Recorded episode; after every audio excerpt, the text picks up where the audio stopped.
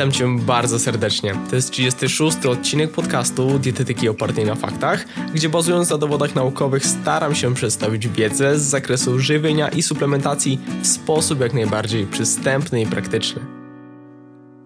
O liczbie posiłków mówi się dużo i mam wrażenie, że czasem wyobrażenia co do znaczenia tej częstotliwości są albo wyolbrzymiane, albo wręcz przeciwnie, sprowadzane do aspektu o znaczeniu niewielkim, a wręcz nieistotnym. No cóż, w obiegowych przekonaniach krąży wiele poglądów w tej tematyce. Niekiedy sugeruje się, że aby utrzymać lub uzyskać szczupłą sylwetkę, należy jeść często i mało. Tu za przykład może posłużyć popularny minimum 5 posiłków dziennie, a niekiedy słychać głosy, że dla pracy nad sylwetką liczba spożywanych posiłków w ciągu dnia nie ma właściwie znaczenia, a liczy się jedynie bilans energetyczny i rozkład makroskładników. To nie są skrajne poglądy, a trzeba podkreślić, że to tylko niektóre, z jakimi spotkać się możemy szukając informacji chociażby w internecie. Dzisiaj postaram się rozjaśnić zagadnienie optymalnej częstotliwości spożywania pokarmu, poruszając zagadnienia takie jak odchudzanie, tempo przemiany materii, kontrola apetytu czy budowa masy mięśniowej, a także rzecz niezmiernie ważną jak osobiste preferencje. Zapraszam do materiału.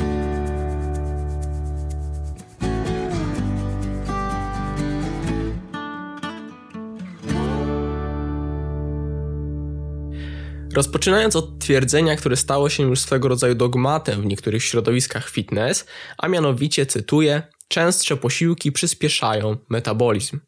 Rozłożę najpierw to zdanie na czynniki pierwsze, bo trzeba je dobrze zdefiniować. Za wysoką częstotliwość posiłków uznaje się przeważnie 5, 6 i więcej pozycji w menu i tak też przyjmijmy. Jeżeli chodzi natomiast o przyspieszenie metabolizmu, to mówiąc wprost chodzi o zwiększenie zapotrzebowania energetycznego, bo to właśnie zwiększenie wydatków energetycznych, tych przepalanych kalorii w ciągu dnia, jest tym mitycznym i bardzo często źle rozumianym przyspieszaniem metabolizmu.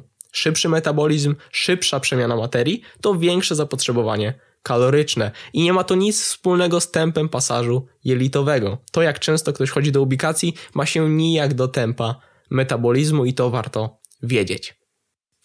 Więc wracając do przytoczonego przeświadczenia, ale w jaśniejszy sposób, to rzekomo sugeruje się, że zwiększając liczbę posiłków z 4 i mniej na 5 i więcej, zwiększamy nasze zapotrzebowanie kaloryczne. Oczywiście przy założeniu, że w ciągu dnia zjemy tyle samo, tyle że rozkładając to na mniejsze lub większe porcje. W innym wypadku ta analiza byłaby trochę bez sensu. No cóż, by to stanowisko potwierdzić, należałoby znaleźć argumenty, czynniki, za pomocą których wydatki energetyczne miałyby ulec wówczas zwiększeniu. Niekiedy sugeruje się, że jest to konsekwencja czy przyczyna termicznego efektu pożywienia, termogenezy poposiłkowej, że niby jedząc więcej posiłków, więcej spalimy na trawienie i wchłanianie. No niestety nie. Przy wykluczeniu zmiennych, czyli przy założeniu, że sumarycznie zjemy tyle samo, tego samego, różnice nie będą znaczące. Ogólnie przyjmuje się, że termiczny efekt pożywienia pochłania średnio 10% spożytej w ciągu dnia energii. A więc spożywając 2,5 tysiąca kilokalorii, załóżmy, mówiąc kolokwialnie, spalimy około 250 kilokalorii na tę właśnie termogenezę poposiłkową. Tu znaczenie może mieć rozkład makroskładników, dobór pokarmów, czy nawet pora spożywanego jedzenia, ale sama w sobie liczba posiłków ma niewielką istotność w świetle przeglądów badań naukowych. Czy posiłek zjemy na raz, czy rozłożymy na dwa lub trzy, i tak spożyty pokarm ulegnie trawieniu i wchłanianiu. No dobrze, a czy są jakieś inne argumenty do potwierdzenia wyższości pięciu posiłków nad na przykład czterema? Nie szczególnie.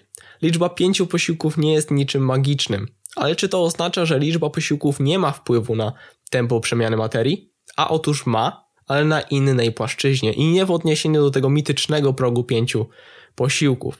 Kwestia ta dotyczy kontroli apetytu czy wydatków energetycznych związanych z aktywnością. I zaraz postaram się to jasno wyjaśnić. Otóż w świetle dowodów naukowych sugeruje się, że zmniejszona częstotliwość jedzenia, poniżej trzech posiłków na dzień, może negatywnie wpływać na kontrolę apetytu. Co więcej, istnieją ograniczone dowody, że wybitnie wysoka częstotliwość także może być problematyczna. Wydaje się, że kluczowym aspektem będzie tu spożycie energii. Przy wyższym zapotrzebowaniu energetycznym, czyli w sytuacji, gdy mamy do przejedzenia dużo, pomijając to, że zazwyczaj problemów z apetytem nie ma, to liczbę posiłków można zwiększyć, ponieważ każdy z nich będzie prawdopodobnie obfity, sycący. Tymczasem przy niższym zapotrzebowaniu, gdy kaloryczność diety jest niska, ograniczenie liczby pozycji w menu może przynieść korzyści, ponieważ talerz będzie zwyczajnie bogatszy.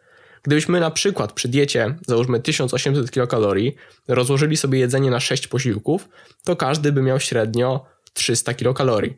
Niektórzy są w stanie tak jeść oczywiście, lecz często 300 kilokalorii na talerzu będzie bardzo no, niesatysfakcjonujące, tak powiem, dla konsumenta.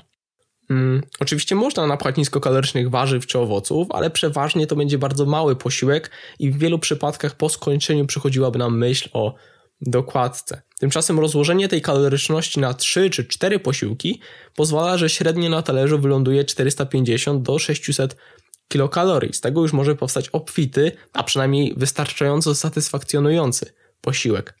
Bardzo generalizuję, bo sporo tu do powiedzenia mają osobiste preferencje, lecz chcę tylko unaocznić ten potencjalny wpływ liczby posiłków na kontrolę apetytu.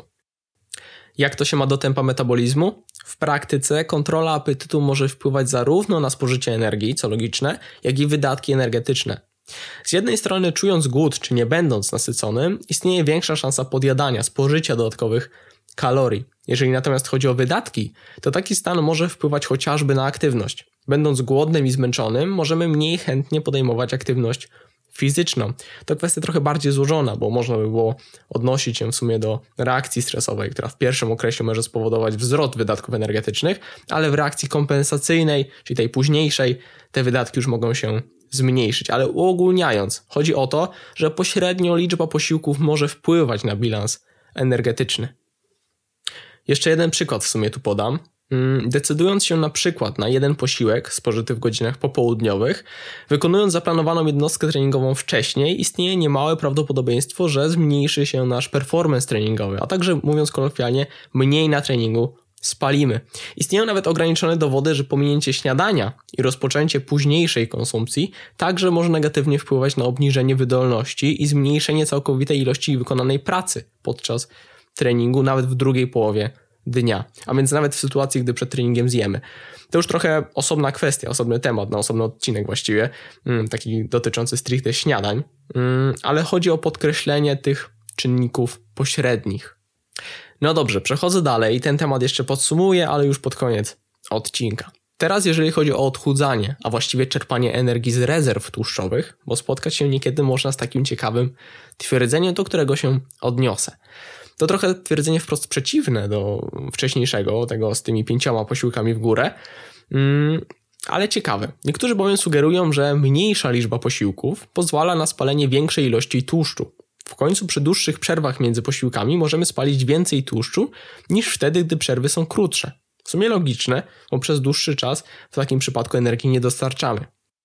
Niestety nie zawsze to, co logiczne, jest słuszne. Takie twierdzenie jest dość łatwo obalić, chociażby z uwagi na fakt, że rzadsze posiłki są większe i bardziej kaloryczne, stąd bezpośrednio po konsumpcji odkładamy więcej energii w komórkach tłuszczowych. Chodzi więc o bilans, bilans energetyczny.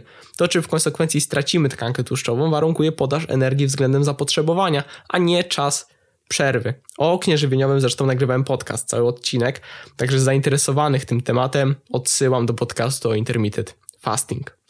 Ten temat także jeszcze podsumuję na końcu. No dobrze, a co z budowaniem masy mięśniowej? Tu można się właściwie od razu odnieść do zaleceń. Rekomendacje na optymalne i zarazem minimalne spożycie białka w posiłku w celu maksymalizacji syntezy białek mięśniowych wynoszą 0,4 g na kilogram masy ciała lub 20-30 g ogólnie. Istnieją również zalecenia co do spożycia odpowiedniej ilości protein na dzień, a te wahają się od 1,6 do 2,2, czasem więcej, gramów na kilogram masy ciała. Sugeruje się także najodpowiedniejszy czas między posiłkami bogatymi w białko, a ten wynosi około 3 godzin. Oczywiście to nie jest aspekt fundamentalny, są ważniejsze rzeczy niż jedzenie co 3 godziny, jak na przykład bilans energetyczny, czy właśnie sumaryczna podaż białka w ciągu dnia, ale to swego rodzaju optymalizacja. Jeżeli istnieją dowody, że taka strategia może przynieść pewne korzyści, to dlaczego z niej nie skorzystać? A więc biorąc pod uwagę wszystkie wymienione wcześniej zmienne, to najkorzystniejszą, podkreślam najkorzystniejszą, nie niezbędną, tylko najkorzystniejszą strategią wydaje się konsumpcja 4 do 6 posiłków w ciągu dnia z mniej więcej równą dystrybucją protein. Przy czym wybór między 4, 5 a 6 zależeć będzie głównie od podaży białka na dzień. Dam prosty przykład. Jeżeli nasza masa ciała wynosi 50 kg, i skorzystamy z tego przelicznika 2 gramy na kilogram masy ciała, to celujemy w podaż białka na poziomie 100 gramów. Rozkładając to na 6 posiłków, dostarczylibyśmy około 17 gramów białka na posiłek, co nie jest do końca optymalne z punktu widzenia wcześniejszych rekomendacji, ale rozkładając to jednak na 4 posiłki po 25 gramów, to już optymalne będzie. To tylko przykład, lecz chciałem zobrazować ową strategię. Przy 90 kg na przykład i załóżmy tych 180 gramach białka na dzień, to już 6 posiłków po 30 gramów może być jak najbardziej dobrym wyborem. Oczywiście też mniej może być.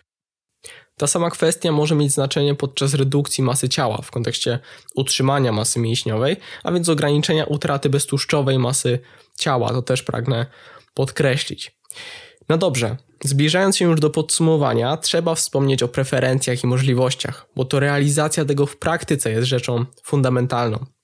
Decydując się na konkretną liczbę posiłków, warto przede wszystkim kierować się preferencjami.